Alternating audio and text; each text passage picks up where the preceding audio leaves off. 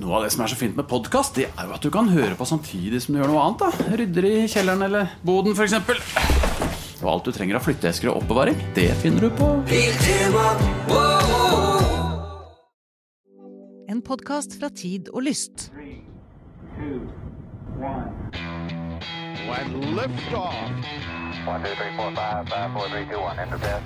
Okay, we checked all four systems, and there you go on modulation, all four, and keying with a go. Vi skal ta for oss et eh, tema i dag eh, som er ganske kontroversielt, eh, og et tema som vi har lurt på om var litt sånn Eller ikke vi, du, som troverdig og, og kunnskapsrik forsker og, og fagmann, Eirik, har jo ment at eh, kanskje dette var litt på siden. Men så hører jo vi på lytterne våre. Vi gjør det, og vi får jo, altså det fortsetter å dette inn henvendelser, og dette kom faktisk for en liten stund siden. Vi måtte gå noen runder på det. Ja. Så nå kan dere begynne å konspirere deg ut om hvorfor, eh, hvorfor romkapsel brukte så innmari lang tid på å ta en beslutning om brevet fra Tor Olav. For hva skriver Tor Olav? Koser meg med podkasten deres, takk for det, Tor Olav. Og jeg er nyfrelst lytter, takk for det også. Men jeg er også stor tilhenger av mysterier, og hva er vel et større mysterium enn ufo-fenomenet? Dette, var vi! dette temaet fortjener en virkelig seriøs diskusjon, også i Norge. Realiteten er at tusenvis av mennesker hvert eneste år mener de ser uforklarlige ting på himmelen, og nå har også fenomenet blitt bekreftet. Ja, eh, ok. Vi kommer tilbake til det. Ja, Greia er uh, at det nå, i alle fall i noen deler av verden, har blitt litt mindre tabu. I hvert fall, ja, Det er jo blitt mindre tabu å snakke om nesten det meste nå. Men i Norge eh, skal det latterliggjøres hver gang noen nevner det. Det skal ikke kostes under teppet at ufo-temaet er kontroversielt, og mange vegrer seg for å diskutere det. Nettopp fordi man lett kan bli latterliggjort hvis man som seriøs vitenskapsperson, som jo Eirik Youth er, Ja. nærmer seg temaet også med ildtang. Så da håper jeg dere kan sette dere godt inn i temaet og lage en episode om dette. Eirik, her har vi kommet altså. Da var vi her. Jeg lurte jo egentlig litt på når vi skulle komme hit, fordi at altså, jobber man med astronomi og romfart gjennom litt tid, så ender man jo før eller seinere opp med ufo-diskusjonen. Det gjør man jo, og jeg må innrømme at det første jeg svarte Tor Olav, for vi svarer jo alltid på henvendelser og før de kommer på sending. Og det første jeg sa var at jeg, jeg syns det er litt utafor, først og fremst fordi ufoer er et, altså det er stort sett et atmosfærisk fenomen, og faktum er at det amerikanske luftforsvaret nå driver og reklassifiserer ufoer som ikke UFO, men UAP, un, uh, Unexplained Aerial Phenomena. Så de ser på det som et luftfartsfenomen, og, og det er ikke for at vi skal slippe unna diskusjonen, det er rett og slett at jeg alltid oppfattet det som det, egentlig. Men så spurte jeg deg, og hva sa du? Jeg sa ja! Nemlig. Ja! Fordi da kom jeg vet du, med Erik von Deniken og Project Bluebook og Majestic Ja, ja. 12 og alt det greiene der, for jeg skrev særoppgave på om det var ungdomsskolen eller hvor det var, om nettopp ufo-fenomenet og lading av uh, ufoer via pyramider og alle de rette strekkene og um, humanoidlignende figurer som var laga ute i ørkenen osv. Og, Og, og, og Tor Olav, du, du sa jeg håper dere setter dere inn i det. Skjønner du nå at eh, vi, vi er satt inn i det, altså? Det er det. og nå kom det litt latter her, og de av dere som ser dette på video, vi tar opp dette på video også, de vil jo si at det har sittet en taus gjest her en god stund, og nå skal han endelig få Kom igjen, du kan presentere. Jo, eh, vi, vi skal eh, vi skal, altså en, eh, ikke bare en mystisk fyr, men også veldig morsom Ja. type. Og vi kan jo nesten vi må, altså, Om vi ikke skal kalle han far, så kan vi i hvert fall kalle han en slags jordfar. For du har jo møtt Bjørn Henning Ødegaard tidligere, Eirik. Ja, sammen med makkeren Fredrik Sjåstadnes i selvfølgelig Konspirasjonspodden, og da vil mange av dere som sitter og hører på lytte bekreftende, for at dere kom hit fra den konspirasjonspodden. Takk- takk- takk for det, Bjørn Takk for det. Takk for det. Nå fikk vi endelig anledning til å takke deg direkte, for nå har vi takket dere på lufta noen episoder her. Men ja, eh, og det er jo grunnen til det er selvfølgelig at det går ikke an å snakke ufo uten også å snakke konspirasjoner, så også i dagens sending. Det er faktisk en konspirasjon på gang. Det, så er ikke det Altså, du fortalte oss i stad at dere alltid har noe om ufo, har dere ikke det? Jo da, eh, hver eneste sesong så, så har vi hatt eh, det eh, to til tre episoder vanligvis i løpet av en sesong. Av og til flere. Vi har også hatt et liveshow, en av de vi dro rundt med, var også Da, var det Phoenix Lights vi dro, dro rundt med, så, for da kunne vi vise masse bilder og holde på og sånn. Så det har absolutt vært nærme der. Og det er jo eh, Vi merker på publikum at de, at de syns at det er ganske spennende, da.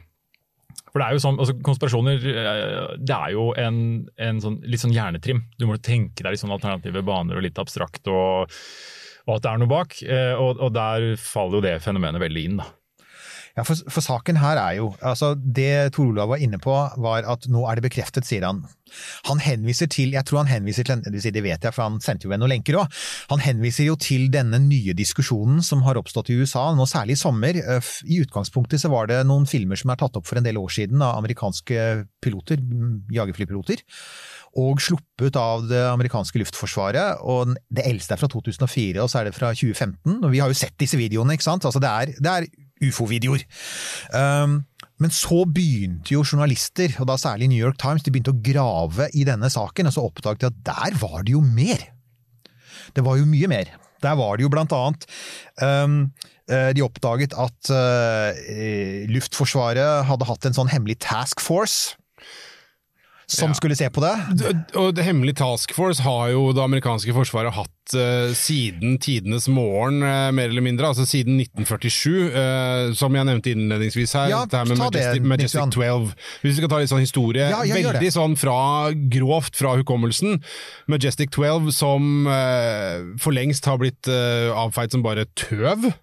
Ja, Eller- ja av, av Ja. Av enkelte, Av- av ok, og dette, dette var veldig storsinnet. Bjørn, for, fortell hva, hva Ja, nei, for jeg, jeg, kommer, jeg tenker at jeg kommer hit for å være litt sånn bombastisk, så da får jeg komme med det, Ja, det, det de hevder eh, fra den siden der. Nei, det, det, som, det som bestrides litt med de Majestic 12-dokumentene, for dette var jo noen dokumenter som dukket opp eh, et par uker etter sistemann i det de hevdet var Majestic 12, døde. Da var det noen ufologer som plutselig fikk dette dokumentet her.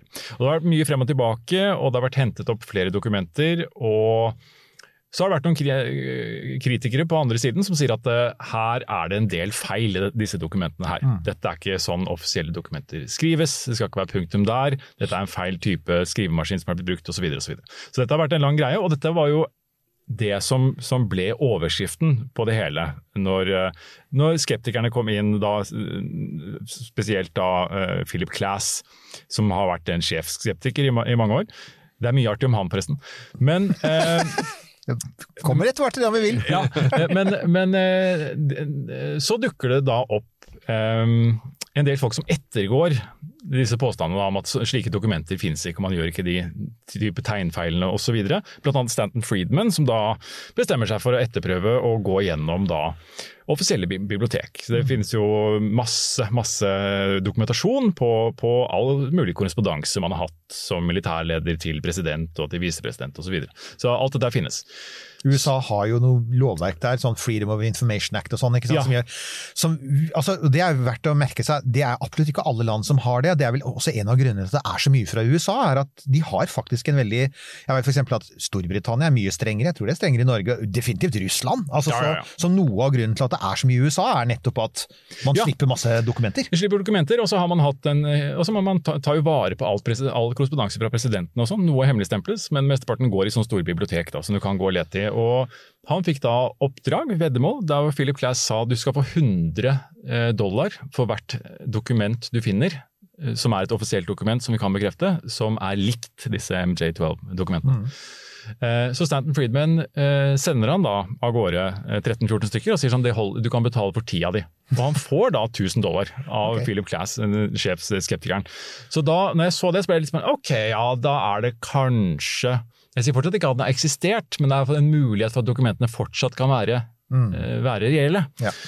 Eh, For, for da er det på en måte ut av der. Eh, Så, så jeg er vel sånn 50-50 på om det har eksistert. Jeg, vil, jeg synes, hadde syntes det var rart om det ikke hadde eksistert. Men, men altså, det, jeg det, da, nå er vi tilbake på en måte til der hvor, der hvor ufo-fenomen, eh, eller hysteri eller konspirasjonen starta.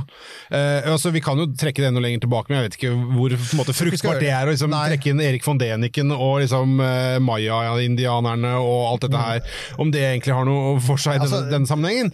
Nei. Nei, vi, vi dropper det. Jeg tror vi gjør det også for at altså, dette området, det kan vi si at En av grunnene til at mange forskere har holdt seg litt unna det, er jo at eh, det har vært mye svindel, rett og slett. Ja. Og, og, og, og jeg er, altså Deniken er en svindler, han får bare saksøke oss. Han er en svindler, og det, mange, det har vært mye svindel, det har vært mye tøys, det har vært mye overtro. eh, og noe av det som har gjort det litt vanskelig å, å, å dekke feltet, og det har det sikkert også vært for dere, er nettopp å liksom grave seg gjennom alt grumset, Ja. alle misforståelsene og alt tøyset og all den rene svindelen. Og, og komme til at det er noe der. Det er en slags kjerne, som du sier, det er en slags kjerne der, og den er interessant. Men hvordan i huleste liksom avgjøre Ja, Ja. Nei, nei, bare for det, jeg tenker at det, det går litt sånn i bølger, dette her, når, når det på en måte er interessant igjen, og så daler det, og så blir det interessant igjen. Så, det er liksom, du, du føler at det er en sånn haug med tørt gress som ligger der, og så, så vidt bare noen kommer med en liten gnist borti, så er det full fyr i hele California-skogen igjen, ikke sant? Eh, men, men igjen, den her, her snevet av sannhet som ligger etter et eller annet sted der, det tenker jeg, det er jo bare snevet av sannhet der, er for meg, som igjen da, sånn litt utenforstående her, uh, det er jo bare hemmelighold. At de, det er et eller annet de skjuler. Og det er det jo ingen tvil om. Det er det ingen tvil om, som du påpeker. Altså, det er jo historien her. Det kunne også, altså, ofte nevnes Project Blue Book, som vel var det amerikanske luftforsvarets forsøk på å kartlegge ting. Og så er det ofte nevnes i den sammenhengen, det er den såkalte Condon-rapporten, som kom på slutten av 1960-tallet. Og det var jo mer et slags forsøk på å sette en slags sluttstrek for hele liksom, Blant annet en god del forskere som setter seg ned og sier er det noe? Og de mer eller mindre konkluderer med at det er det ikke. Og da var det ganske mange kjente forskere, blant annet Carl Segen, som vi har nevnt her noen ganger, som sa dere har ikke satt sluttstrek med dette, det kan jeg love dere. Dette er ikke Så, så ja, det har jo rulla godt, da. Ja, og Hessdalen, for å dra det hjem. Ja, for å dra det hjem, ikke sant? Men altså Har du hatt en egen episode om Hessdalen? Nei, eh, og grunnen til det har vært at eh, For der er det jo eh, Høgskolen i Østfold som har hatt et forskningsprosjekt der i årevis. Eh, Som vi, vi tenkte at eh, hvis vi skal gjøre en episode, så må vi snakke med de. Det er jo de som har all forskning her. Men de vil ikke snakke med oss. Nei. Men det er ikke første gang. Eh, Jeg har vært borti det før også, at det kan være litt vanskelig. Det er veldig synd, da, fordi at jeg tenker jo at altså Nå har det jo vært lite snakk om det de seinere åra. Det har jo for så vidt det. Eh, og, og så ikke sant? Folk lurer ofte på ja, hvorfor forskes det ikke mer på det sånn. Vel, noe av det skyldes jo blant annet at det er litt sånn, ofte er litt sånn dårlige kommunikasjonslinjer òg. Som et eksempel på Og så er det, er, det, er det Høgskolen i Østfold som ikke vil prate om ufoer? Ja. Og dem, vil, de, vil de ikke prate med deg om ufoer? Det vel, men jeg har faktisk intervjua en av disse som på 90-tallet en gang var leder for dette Project Hessdalen, mm. til den særoppgaven som jeg skrev på en eller annen barneskole og ungdomsskole, jeg husker ikke hvor det var. Men, i Men, men ja, altså, hvis, no, ja, så hvis noen fra Høgskolen i Østfold hører på oss og sier at det er ikke egentlig oss i så fall dere skal snakke med Bjørn Henning og makkeren i Konspirasjonspodden. de, kan, de kan ha med Eirik som, eh, som eh, konsulent. Gjerne det! Jeg, jeg, altså jeg, jeg syns jo, da det startet opp, så syns jeg Altså, jeg er, jo, jeg er jo for forskning, for å si det sånn. Og ja, helt klart. eh, noen Altså, det er observert ting på himmelen som vi ikke kan forklare. Jeg syns jo det er litt slående, da, at de stort sett observeres av folk som ikke har observasjon av himmelen som yrke, for å Ja. si det, for å si det sånn. Altså, jeg har vært mye mer under stjernehimmelen enn de aller fleste jeg kjenner. Og jeg har, jeg har aldri sett noe, og jeg får stadig vekk henvendelser fra folk som åpenbart ikke er mye under himmelen, og de ser noe hele tiden.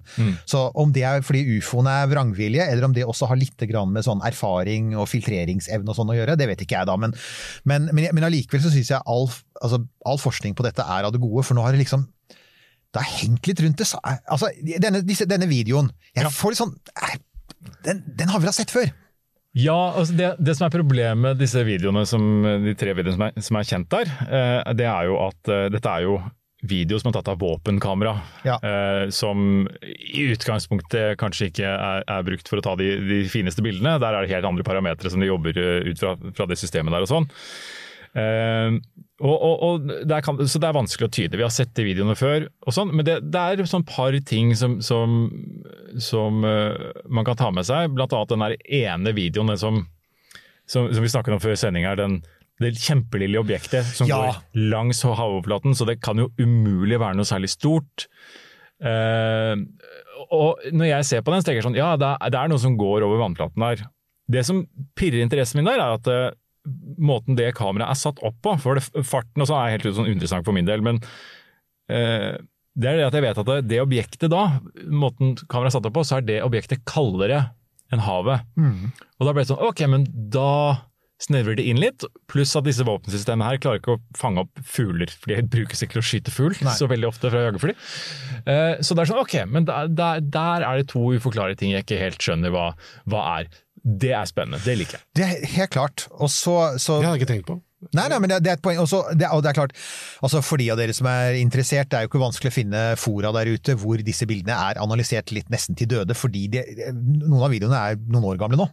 Så, så folk har hatt god tid på seg. Så jeg vet jo, altså En av de som har sett på det, er jo han som, kaller, han som kaller seg for The Bad Astronomer. Phil Plate heter han. Han har jobbet som bildeanalytiker for Hubble-teleskopet. Som han sier, jeg har analysert en del rare bilder.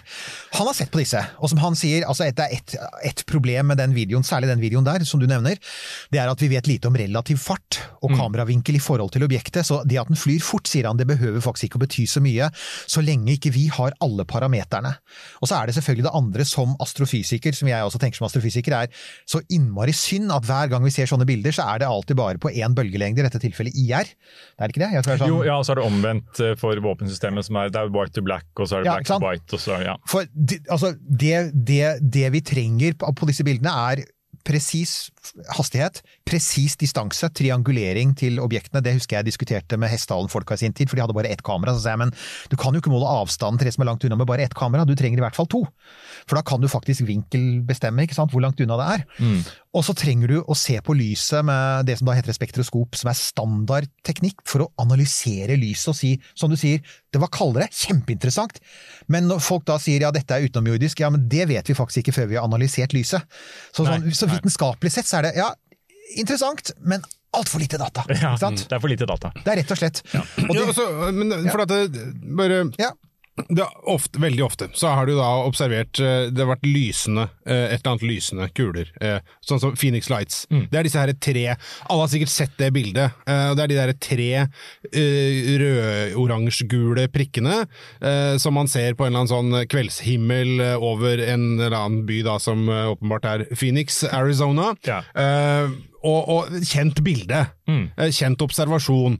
Og da kommer man på den der kulelyn og alt det der. Men la meg nå spørre dere to, eh, som er ekspertene på fagfeltet her. Hva er det som gjør at Hvorfor har eh, ufo eh, si, eh, Bortsett fra eh, Tor Olav, da, hvorfor sitter vi her og snakker om det nå? Altså, Hva er det som har gjort dette aktuelt igjen? Da kommer vi tilbake til denne saken i sommer, hvor New York Times begynte å kjøre en serie med artikler hvor de tar det, altså de gjør det som veldig mange av ufo-konspirasjonsteoretikerne ikke kan. Og det er at De er jo en av verdens ledende aviser. De er i maktens sentrum. De setter to, gode, to erfarne journalister på det. Politiske journalister som sier ja, men vent nå litt, det er Pentagon. Vet du hva, Da har vi faktisk noe, grave, da har vi noe å ta utgangspunkt i. Så det de da gjør, er at de sier ok, vi har disse videoene, men det er sånn, det kan man mene hva man vil om, men historien bak, som er at at det amerikanske forsvarsdepartementet påsto at de hadde stoppet og de hadde sluttet å se på eh, altså de hadde sluttet å kartlegge disse ufo-greiene for mange år siden, og så oppdaget de at nei, det var jo ikke sant. De hadde fortsatt å gjøre det, i hemmelighet. Og ikke bare hadde de det, men det var jo blitt holdt hemmelige brifingmøter for Senate Armed Forces Committee, og den er vel, så vidt jeg vet, ganske mektig. Altså, det, kan- det kan man si. Ja, I Washington DC så er det liksom noe av det gjeveste, en av de tyngste komiteene, og, og, og navnene som er der, sånn type Marco Rubio og sånn, altså det er kjente, tunge senatorer som sitter i den komiteen. Uh, hvis ikke det er Marco Rubio, så kommer våre USA-politikkfans nå til å sende sin. Nei, det er ikke han, men uansett, det er tunge senatorer, det har jeg skjønt. De har fått hemmelige brifinger, og så graver de litt videre, disse journalistene, og så oppdager de at det er altså folk i, som har gitt brifinger, som er villige til å prate, og som sier ja, men det er jo mer enn videoer. Du, du, du. Ja. Ja, Hva mer enn videoer er det da, Bjørn Henning? Nei, nå hendes det jo da at uh, det neste steget For, for en del av de journalistene som allerede visste at New York Times uh, var på gang med å slippe denne historien her, uh, de mener nå at det neste steget blir at de kommer til å frigjøre bilder og noe data på det som man da kaller materiale av ukjent opphav. Nemlig Object of Undetermined Origin, som en av kildene her, Louis Elizondo, som da er en tidligere etterretningsoffiser, han er sitert på dette. Mm. Så det er, det er rett og slett Så Det du sier der er jo kjempeinteressant, for det har vært et av problemene nå. Hva, hva heter det stedet der borte hvor de påstår at det krasja en ufo igjen? for å si det sånn. Det har jo vært der lenge, ikke Ja. sant? Og dere har vel vært, dere har vel vært borti Area 51 noen ganger? Ja da, og Roswell og ja, hele Ja. pakka der, ja. Mm. For der, det er jo en av disse gamle historiene igjen om at i alle år har det eksistert eh, materiale, og det har eksistert eh, lik, eller altså levninger etter Mm. romvesener. Helt romskip. Ja, Det har vi jo sett i Independence Day, eh, at de har forska på dette her siden 1947. For det var faktisk eh, noen alien spaceships med aliens i, levende også, ifølge den filmen. Eh, Vi bruker den som sannhetskilde. Eh, som, Ja, det er fasit, som, som landa, eh, og det er nå nede i en, eh, en bunker der på Area 51. Eh, men altså jeg tenker, en- enhver god konspirasjon må jo starte med at noe blir holdt hemmelig. Noe blir holdt skjult. Ja. Uh, og altså Ja. Jeg blir litt sånn Nei, altså, eh, man, man, man, har det, man har det i flere steg.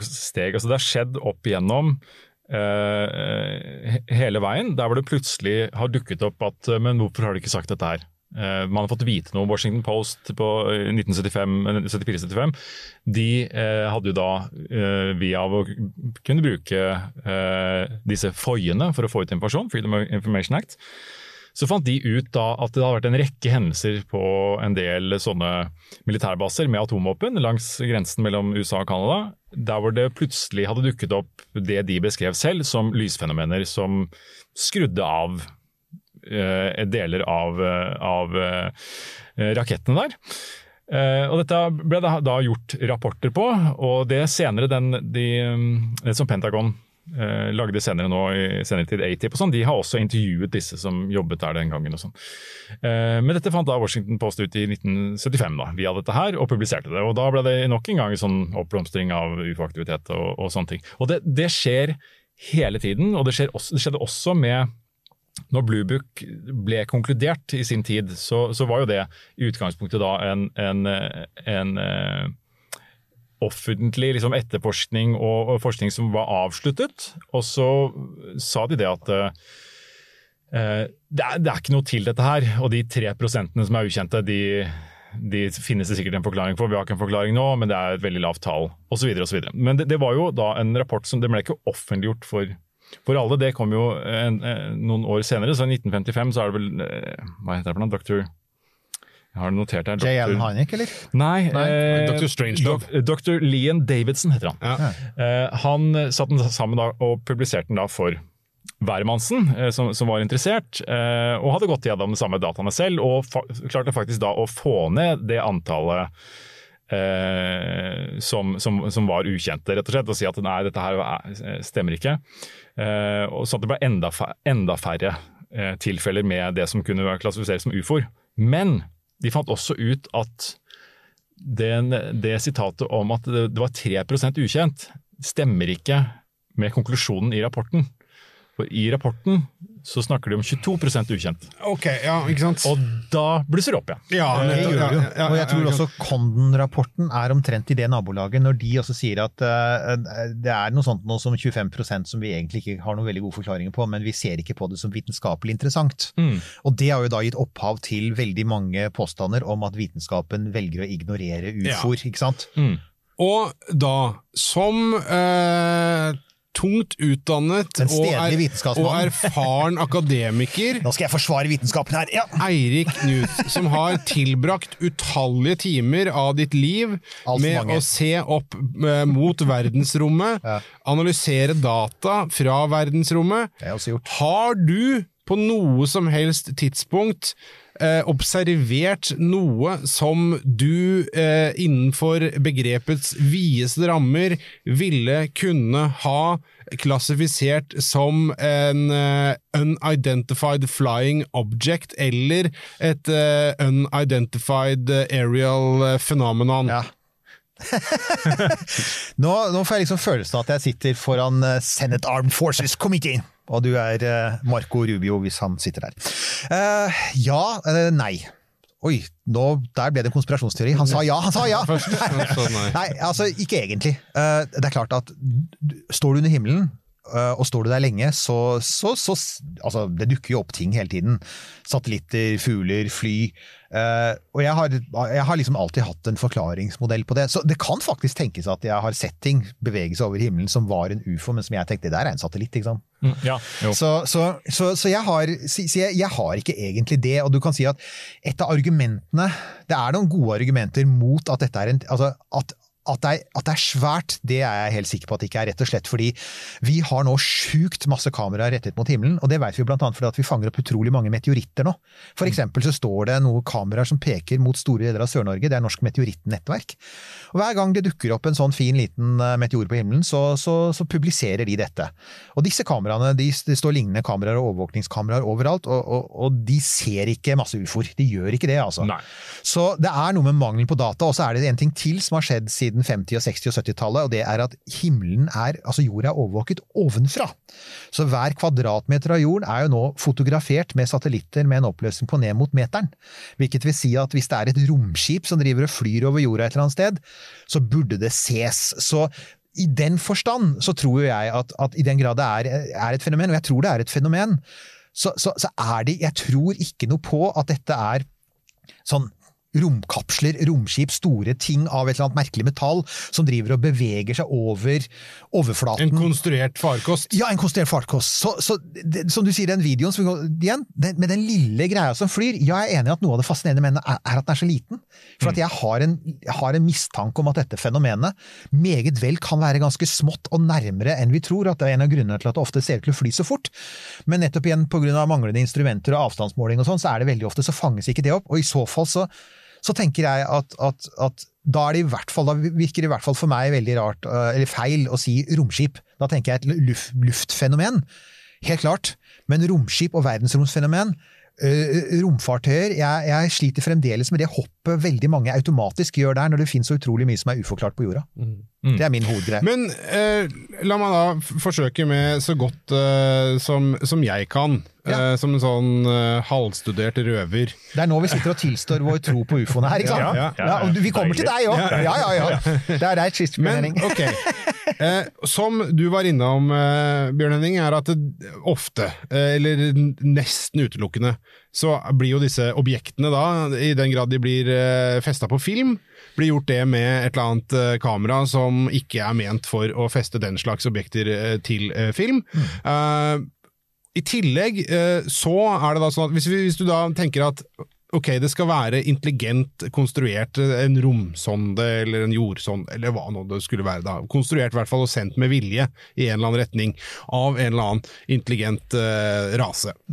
Så eh, er det da spesielt eh, da en del eh, tullinger, rett og slett. Disse som er hardnakkede ufo-fans, er jo ganske spesielle folk, mange av de. Du Eh, vet hva vi åpner oss for nå? ja, jeg, jeg, det, det, er det. jeg, er jeg som sitter og passer på Jeg er fullstendig klar over det. Takk, Nils Johan. Nei, men jeg var ikke, var ikke ferdig. Men okay. du har altså folk, du, du kan ha de som, som analyserer dette helt systematisk og med vitenskapelige metoder. Og det, jeg syns er kjempespennende. Mm. Det er det. Men så har du Gry Jannicke Jarlum, ikke sant. Og, Mm. og, og de, de menneskene der, altså de som altså Det finnes sikkert noen kirker et eller annet sted borti USA som, som er tufta på dette her. Oh, ja. Scientologkirken, blant annet. Uh, uh, og så, men så har du da, hvis du legger det oppå med, med SETI, da, som har leta etter intelligent liv, signaler fra intelligent liv i hva vi fant ut av 60 år eller noe, sånt, Ja. som ikke har funnet noe som helst. Det er liksom wow- wow-signalet, det er det eneste.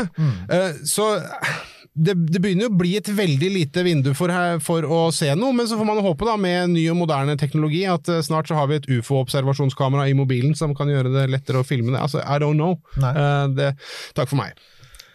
Ja. ja. Du er da den av oss som faktisk har jobbet mest med ufoer, så du er det, det, Ja. Jeg vil påstå at du kanskje er den beste her til å ha en mening og, og tilstå hva du egentlig tenker om det. Ja, ja nei, altså, eh, altså Selvfølgelig er ufoer eh, da, da mener jeg altså ufo-fenomenet som, som helhet bare eh, At man ikke vet hva det er på himmelen, selvfølgelig finnes det. liksom Det, det Ja, ja. sier seg selv. Og. Og så er, det, så er det hvor det eventuelt er fra. Som er eh, greia. Uh, og der har jeg vel helt mer nå mot at uh, uh, Hvis det er Fordi det, det, krever jo en del ting som må på plass her, som du må tenke deg selv, for man ser noen sånne ting. Og så er det sånn, ja hvis de eksisterer, så må det være noen som har laget de. Mm. Og de er da tydeligvis langt forbi oss, så de har en annen kunnskap om fysikk eh, og, og, tid og rom og alle disse tingene her. Så det må du legge ved, for det det, er ikke en sånn idiotrase som sitter liksom eh, borte der som har snubla over og sendt ut eh, noe. Det, det er det er en stor høyintelligens. Hvis det eh, er på plass, så, så, så, er det sånn om jeg tror på det. og da er det derre large numbers-argumentet, uh, at det er så At det, det virk, kan jo virke sannsynlig at uh, et eller annet sted i universet så er det en superintelligent rase som holder på med det greiene der. Jeg har, jeg har, egentlig ikke noen problemer med det. Jeg, jeg, føler at eh, ja ja, man kan sikkert få det matematisk til å gå opp og sånn. Ja. Uh, så, så jeg, er, jeg, er, nok der at uh, Jeg er enig med Elon Musk at hvis det finnes en sånn superintelligent rase, så er det ingen tvil om at de overvåker oss. Altså ingen. De, har, de, de har, de kunnskapene, og det, og det, kan de. Om det er det vi ser nå eh, ja, men det er det, ja, men det, det Hvis du også har lyst til å lage podkast, så må du ta kontakt med oss i podkastbyrået Tid og Lyst. Vi holder til på Grünerløkka og har verdens hyggeligste studio, som selvfølgelig har nydelig lyd. Det kan du jo høre. Vi er dessuten skikkelig gode på innhold og produksjon. Send en mail til pia at tid og lyst, så snakkes vi. Ja. Jeg, har et, jeg har et annet spørsmål. Hvis du da tar vekk det, eh, superintelligent rase ja. som overvåker oss, mm. noe de garantert vil gjøre. Det er lett å være enig i det. Støtter deg på det. Eh, men hvis det da skal vise seg, eh, hvilket da US Air Force har jo sagt mange ganger eh, med observasjoner som har gjort at nei, dette er vi, dere bare tester ut noen nye eh, fly eller et eller annet sånt, og det er det det er. Mm. Eh, men hvis det da viser seg at her, eller noen da av disse her objektene som gjør eh, manøvre og kommer opp i hastigheter som er helt usannsynlige og ukjent for de som vet og som eh, undersøker ufo-fenomenet ordentlig, Uh, hvis det da viser seg at alle disse tilfellene er å ja, nei, det er bare vi som tester ut teknologi som vi velger å holde skjult, fordi eh, det, det, selvfølgelig skal lages et eller annet våpensystem ut av dette her, eh, vil da eh, ufo entusiastene, la oss kalle de det, da, de som er over, overbevist om at uh, ja, ufoer fins, og at det er uh, sonder eller romskip fra en eller annen rase. Mm. Vil de være fornøyd med den forklaringen? At, nei, det, nei. nei. nei. Helt enig. og der kom vi, til, der kommer vi til, Det var jo faktisk noe av det som gjorde at jeg opprinnelig ble med hos dere. var at Vi begynte å snakke om dette her på 70-tallet så begynte man å bli litt opptatt av det litt sånn religiøse aspektet. Det må mm. vi si litt om. og det er at For enkelte så er dette helt klart, du var inne på det, det finnes kirker som er dedikert til ufoer. Det gjør det jo. Um, selv om du nå nevnte de som er notoriske for å drive og saksøke folk, så det var vårt lille budsjett. Takk for det. Nå kommer de vel på døra snart. Nei da, jeg har, vært, jeg har pirka bortpå de før. Ja, du har det, ja. ja. Har, dere, har, dere, sagt om dem, forresten? Nei, jeg har ikke lyst til å bli saksøkt. Nei, nemlig, ikke sant. Hva er det? Der ser du. Apropos det, fins ikke ytringsfrihet i Norge. Nei. Jo, nei, men poenget er um, Hvor var det vi var hen?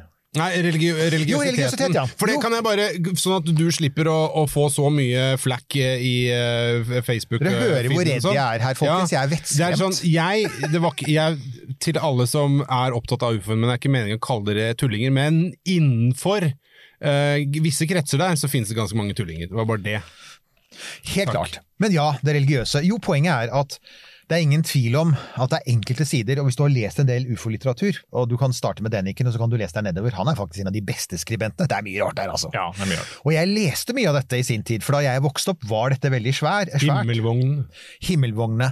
Eh, det var mye av NRK sendte faktisk en hel del av det, de slukte det ganske rått. Eh, og det beste eksempelet du har på liksom sånn, det litt sånn religiøse aspektet ved ufoene, det er jo utvilsomt igjen nærkontakt av tredje grad, som vi allerede vi nevnte da vi snakket med Britta om, eh, om, film. Og det er rett og slett fordi at så svært var ufo ikke sant, på 70-tallet at den liksom nyslåtte suksessregissøren Steven Spielberg, som har laget Jaws, som har redefinert Summer Blockbuster, en av de største overraskende filmsuksessene i filmhistorien. Han kan gjøre hva han vil i hele verden, og han lager en film med aliens som kommer til jorden i sånne, i sånne lysekroner. Gudeaktige, ikke sant. Mm. helt klart med spiseforstyrrelser, men uansett, de kommer nå, og, og de kommer for å redde oss, ikke sant. Og, og det aspektet der, ved at det er noen langt over oss som, som, som du sier er superavanserte, så avanserte at ikke vi ikke skjønner teknologien deres engang, som kan hjelpe oss å løse problemene våre på jorda. Det var en tanke som var vanlig på 70-tallet. Mm. Ja, det, det høres I gamle dager ville man kalt det for Gud, ikke sant? Ja. Så ja, Det, er, det er det aspektet der. Jo, det er jo det Jeg skjønner at det er jo også fristende, og da er det jo litt sånn igjen at man tolker inn i noe det man vil. Eh, og det er jo også grobunn, en god grobunn til en konspirasjon. Ja, ja, uh, og og det er det absolutt. Også, også, mm, altså, eh, alle jeg har snakket med som har en eller annen som gjerne tror på ufo, tror det kan være noe, har jo forskjellige teorier om hva det kan være. Og hva, hva de, så legger de til at de har, ja, de skal redde oss, eller at er, vi er en del av en zoologisk hage til observasjon. Og det er masse sånn eh, greier. Og det, det må du jo legge til, for det, det er jo eh, enorm usikkerhet om, eh, hva, om, om, om det er noe i det hele tatt også. Ja. Så, så du må lage den fantasiverdenen rundt. Men kunne, kun- altså igjen da tilbake til eh, de jeg tenker som er liksom den største, største sånn derre uh, gjæringsdunken for, for dette her, det er jo altså det amerikanske luftforsvaret og alt deres gjøren og laden, og ikke minst også hemmelighold. Kunne de ha gjort noe? Hva kunne de ha gjort for å på en måte debunke eller eh, få litt fred fra dette her? Kunne de sagt ja, men vi har denne som er veldig rar, eh, og gjør veldig rare ting som vi har forsket på i veldig, veldig mange år, og fått til. Se her, dette er ufoen! Det, det finnes- kunne de åpne opp litt, det og så hadde folk blitt fornøyd med det? Altså, vet du, De har litt erfaring med det. Jeg satt og, når du sier det, så tenker å si nei, det er hemmelig. De har jo faktisk hatt, gjort dette noen ganger før. Uh, under annen verdenskrig var det utrolig mye konspirasjoner, som vi vet. Du hadde liksom Enigma-prosjektet, amerikanerne knekte japanernes kode, russernes kode, Manhattan-prosjektet, atombomben.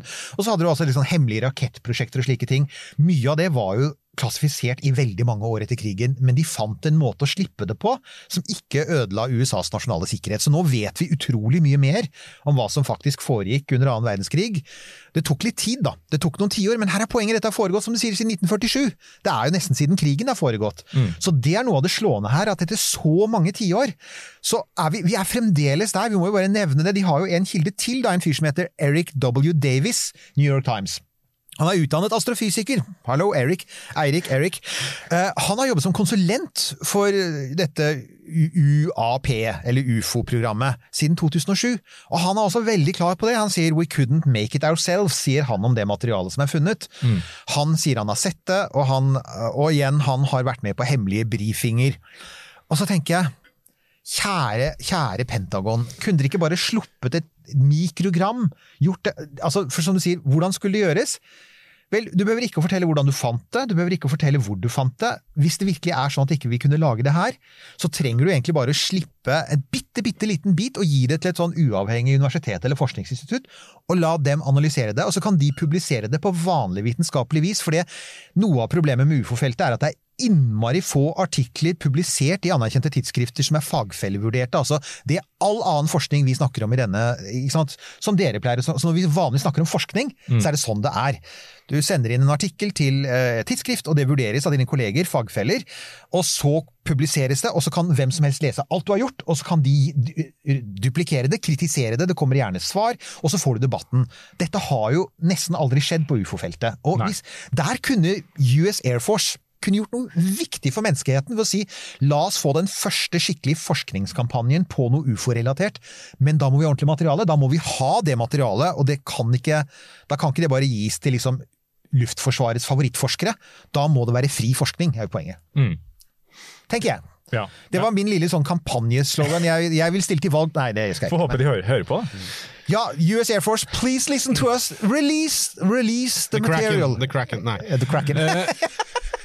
Eh, jeg bare Du nevnte Elon Musk. Du var inne på rakett. Jeg vil bare si Werner von Braun. så det er det sagt. Det er det Eh, gjort. da, da er det sagt. Og så har jeg bare lyst til å si to ting til. Uh, og så kan, skal jeg lene meg litt tilbake, så kan dere ta den. Uh, Area 51, Bob Lazar. Ok, ja. Eh, ja, altså, eh, jeg er jo ikke så utrolig opptatt egentlig av Area 51, fordi det at eh, USA har hatt hemmelige militærbaser, det har vært altså utviklet eh, hemmelig våpen og fly og sånn, det, det er ikke noe eh, det er fair. Det er helt fair. Ja, ja, ja. Så det, at, og, og at det er hemmelighold. bare sånn, ja, 'Jeg får ikke lov til å løpe inn der.' Nei, det er militærbase. Selvfølgelig får du ikke lov til å løpe inn der. Du får ikke lov til å gå der, og Det de skyter vel til og med steder i Norge hvor ikke du har lov til å bare gå inn. Ja, Jeg har vært på et av de stedene. Jeg bor rett ved siden av de. Ja, ikke sant? Jeg, måtte, jeg husker jeg holdt foredrag på et sånt sted, og det er sånn hvis jeg sier det til dere, så er det, dere slipper ikke ut av dette studio. Ja, ikke sant? Og, og sånn er det. Så, og jeg har også vært på det, uh, merkelig nok, når jeg har gjort standup-jobber og sånn, så ble jeg invitert inn. Ja. Og da er det sånn, ja, du må, du må bare legge fra deg alle tingene her. Er det her jeg skal da holde fram? Jeg har, et av disse stedene er sånn, og nå kan jeg holde fram for kamera. Det er, jeg er veldig stolt av PST-koppen min. Det er, det er koppen, den, denne koppen lytter til deg for øvrig, by the way. Ja, Så, jo, så det, er- det er dobbelt lydopptak her. Så det, så det fins, og, det- og det er kjempegøy. For det, så med den jobben så ble jeg invitert inn. da. I det. Du må legge fra det, her er det ikke dekning uansett, det er ingen som hører deg, får ikke prate om det, ikke se på i den veggen. Ja, nemlig ikke se på det, men, Ja. men det er jo kult, for de stedene fins, folkens. Ja. Det er, så poenget, mitt, poenget vårt er jo det er jo sant at det finnes en stor hemmelighet der ute. Ja. Eller mange. Ja, eh, det, Det er jo ikke løgn. Så, så, så, så jeg er ikke Air 51 er eh, inntil videre bare en sånn militærbase. Den har kanskje historisk perspektiv eh, hatt noe med ufo, Roswell og sånn å gjøre. Når det kommer til Bob Lazar, så er eh, Jeg har alltid vært fascinert av den eh, Kan hi- sikkert historien. kjapt forklare for Så lytterne. det, det, det, det er en fyr som hevder at han, han jobbet eh, for de amerikanske myndighetene Ja. med å prøve å sånn reverse engineere en ufo. Og i frykt for å, sitt liv, så valgte han da å, å prate med pressen om det. Riktignok anonym først, og så ble det større og større. eh, og så Eh, ja, hele den greia der. Så det har vært masse eh, han har sagt som, som har vært interessant, som har latt seg etterprøve og så viser seg at, at stemmer. Og så er det en del av det som, som ikke helt man, man får til å gå opp. Det jeg syns er mest fascinerende med den historien der, for det er jo en gøyal historie uansett, men det er myndighetenes forsøk på å passe på at han ikke eksisterer, og passe på at uh, informasjonen om- han blir borte. De har aktivt gått inn og, og fjerna en del ting. Da jo- koser jeg meg. Ja, for det er jo, Da det er jo Da er vi på Orwell, ikke sant? Og Ja, Big Brother og- som fjerner Ja, ikke Og, sant? og da er det selvfølgelig, hvis, du, hvis de jobber så hardt, så er det jo, det er jo åpenbart noe de har å skjule. Ja. Og igjen så er det sånn og, og, og, Altså, amerikanske myndigheter Alle myndigheter gjør det, og, og, men amerikanske myndigheter har vært glad i det, altså. Ja, de Har, hallo, jeg tenker, så, altså, Første gang jeg hørte om MK Ultra, det der vanvittige prosjektet til eh, CIA med å drive og dope folk og hive dem ut av vinduet altså Sånne vanvittige ting. og så tenker jeg, Det går jo ikke an! Og så, så er det jo faktisk en, Mye av dette er sant, og dette på 70-tallet da man avslørte at jo, masseovervåkning var jo, det, var, det fantes jo. Det var jo Church-komiteen, den amerikanske senatet i 1975, avslørte jo at det stemte jo at amerikanere var blitt systematisk overvåket. Alle de som trodde at de hadde en radiosender i tanngarden sin, det var litt å ta det litt langt. Men at de var blitt sett, og at post var åpnet og telefoner avlyttet, det var sant. Så ja, igjen så er det sånn at myndighetene gjør dette her, og, og det du, du kan ikke komme unna. Hver gang de er blitt tatt i sånne konspirasjoner, så det har alltid vært noe der. ikke Ja, sant? Det er jo greia. det. Ja. Det viste Ja, seg jo. ikke sant? Og Det er jo derfor de fortsetter å leve. det er det, nemlig, og det er jo derfor også denne ufo-saken ikke legger seg ned og dør, fordi at hver eneste gang tenker jeg ja, men nå er vi Var det noe? Så plutselig da kom det igjen, da! Så var de i gang igjen med dette herre Jo, nei, og dette programmet for øvrig De skal fortsette med dette UAP-programmet sitt, Ja. Og det er da tydeligvis en del av The Black Budget. ja. Men altså, hva, hvorfor skal det være det, tenker jeg. Det er jo det dummeste. Kan de ikke bare åpent og ærlig si at jo, men altså, vi, vi har piloter og vi har personell som uh, gjennom sitt Ja. virke for oss ser ting. Vi har lyst til, i vitenskapens navn, å undersøke dette nærmere.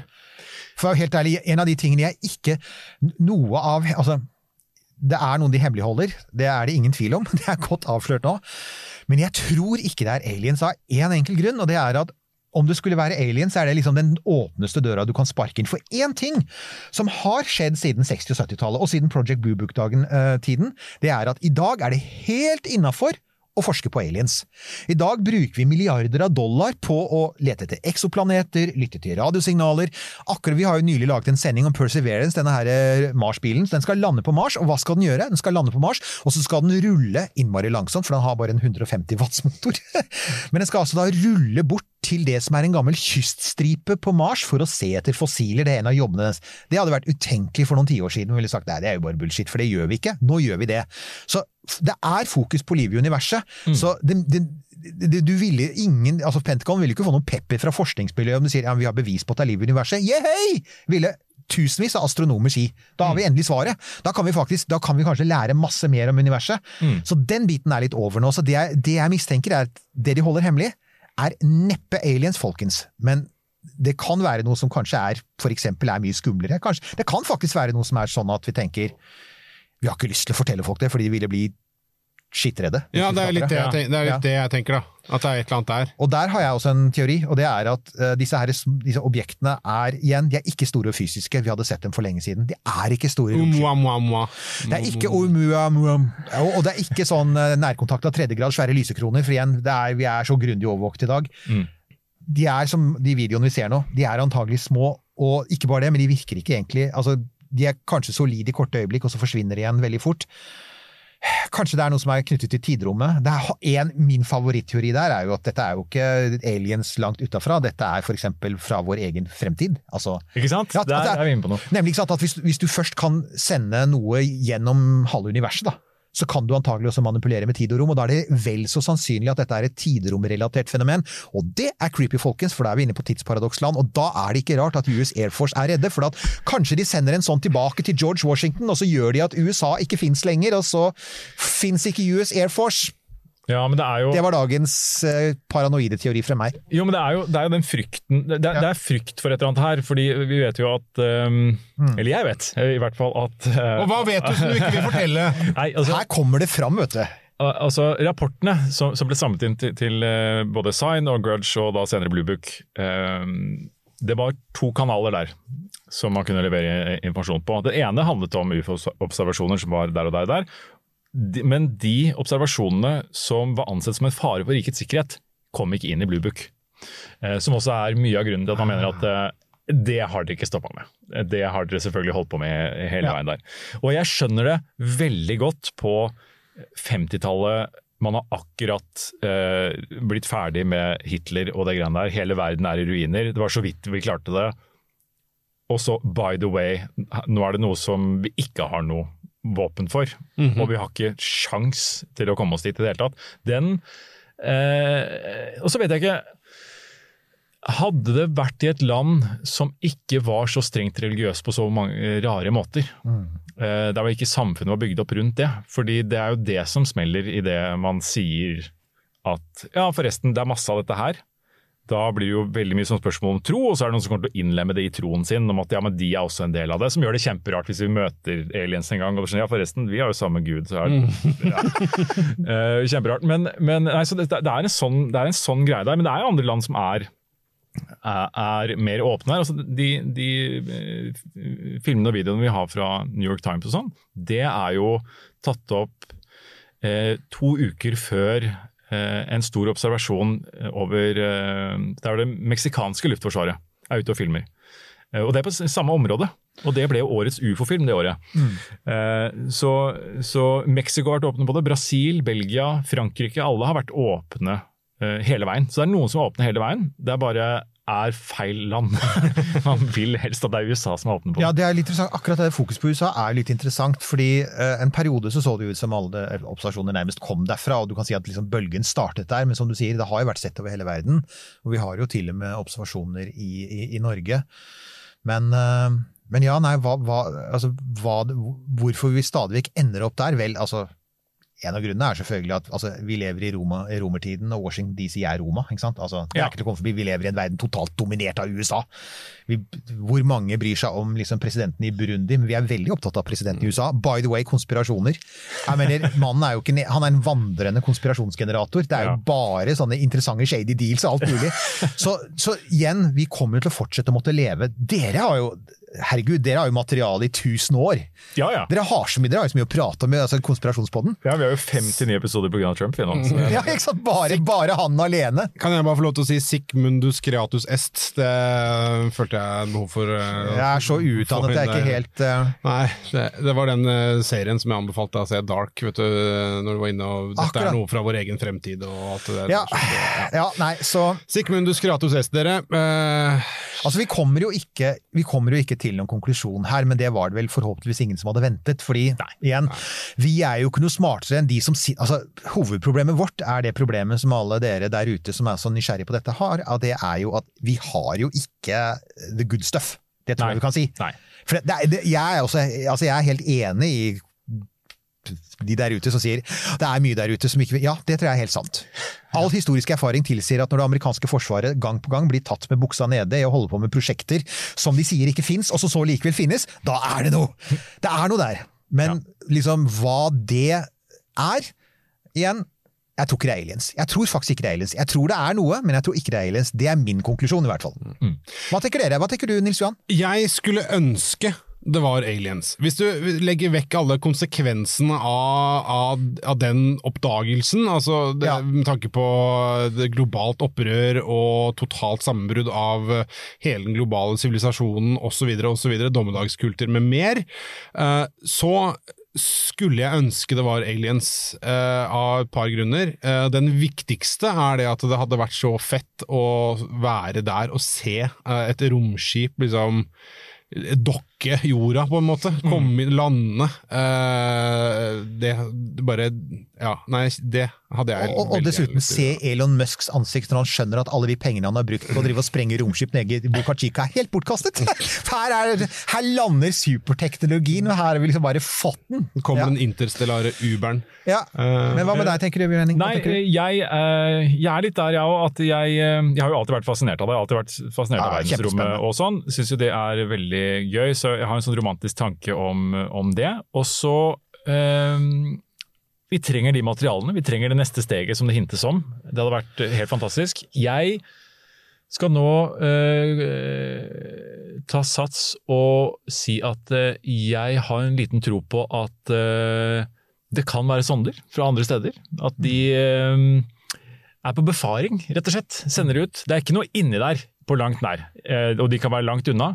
Men, eh, men eh, jeg skal si det, bare for det, da er det litt mer morsomt. Det er litt mer morsomt å gå ut og sånn, ja, så gøy at de var her, sendte noen sonder, så det, ja, det, det er morsomt. Så jeg skal gå dit at jeg, at jeg tror det. Ja, og egentlig bare da forholder jeg meg egentlig bare til det Pentagon-greiene. Alt det andre som folk har observert og sånn, det Ja, jeg tenker også at det nesten er litt Det, det enkleste er det, for det er så utrolig mye materiale, og, og det kan godt hende at folk altså, Vi vil selvfølgelig gjerne at dere har eh, tanker og kommentarer rundt og vi, vi har jo en Facebook-side og en blogg, og vi har åpent kommentarfelt under, så da kan jo dere også legge deres tanker om hva, hva tror dere dette er. Og legg gjerne inn lenker også, det kan dere godt gjøre. Uh, vi veit at da kan det komme litt sånn interessante ting.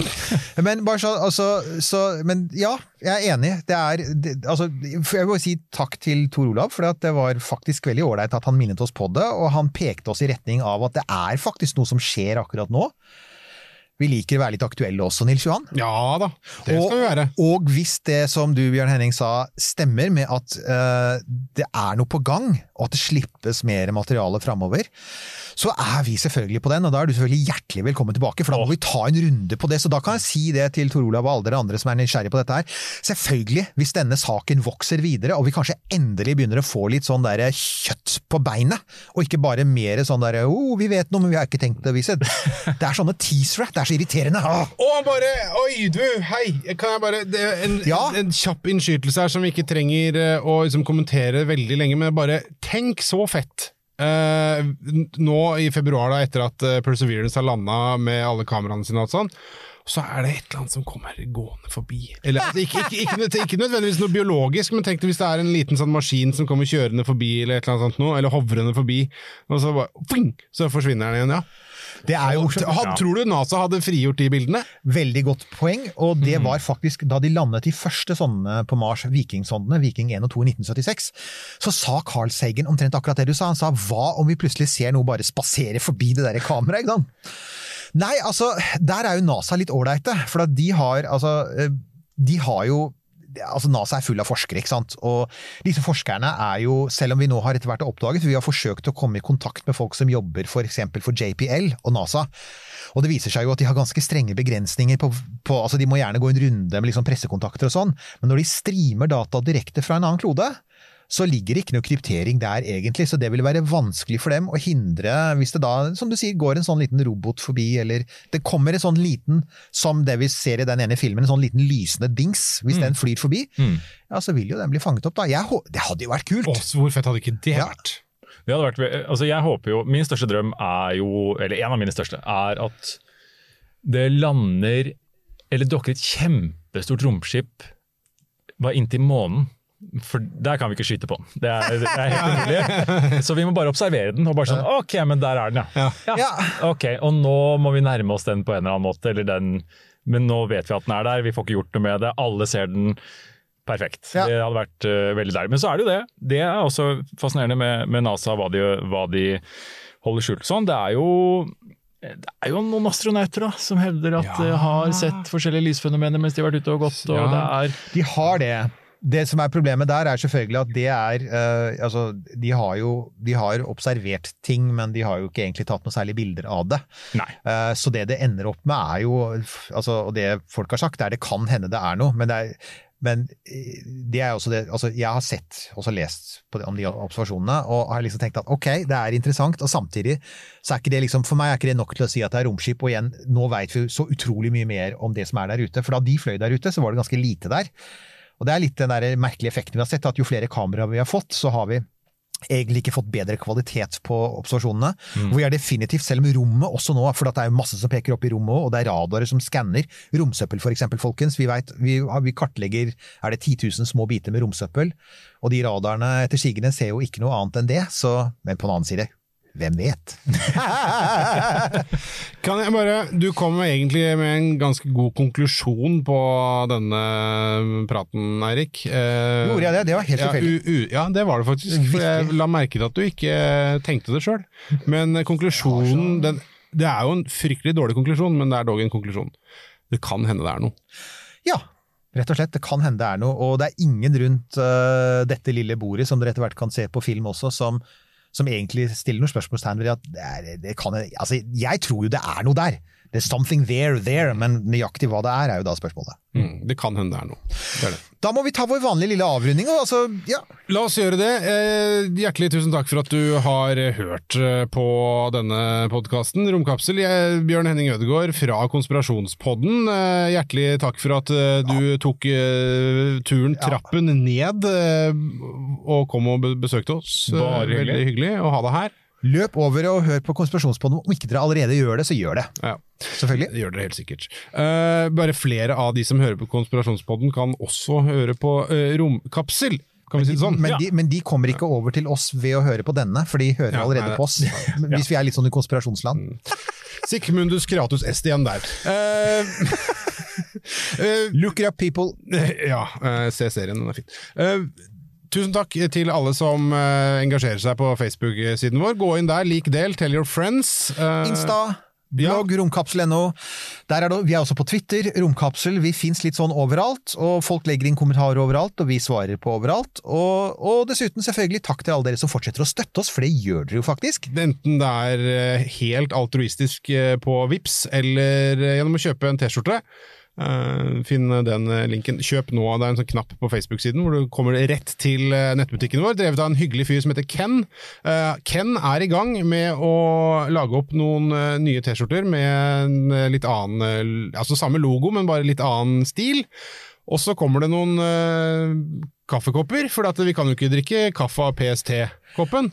Dere dere får da kopper som ikke hører på dere. ja. Mm. Det, det, det kommer, så stay tuned. Vi skal si fra når det, når det er på Det er plass. Uh, there's something out Nei, the truth is out there. The truth is out there, for å si det sånn.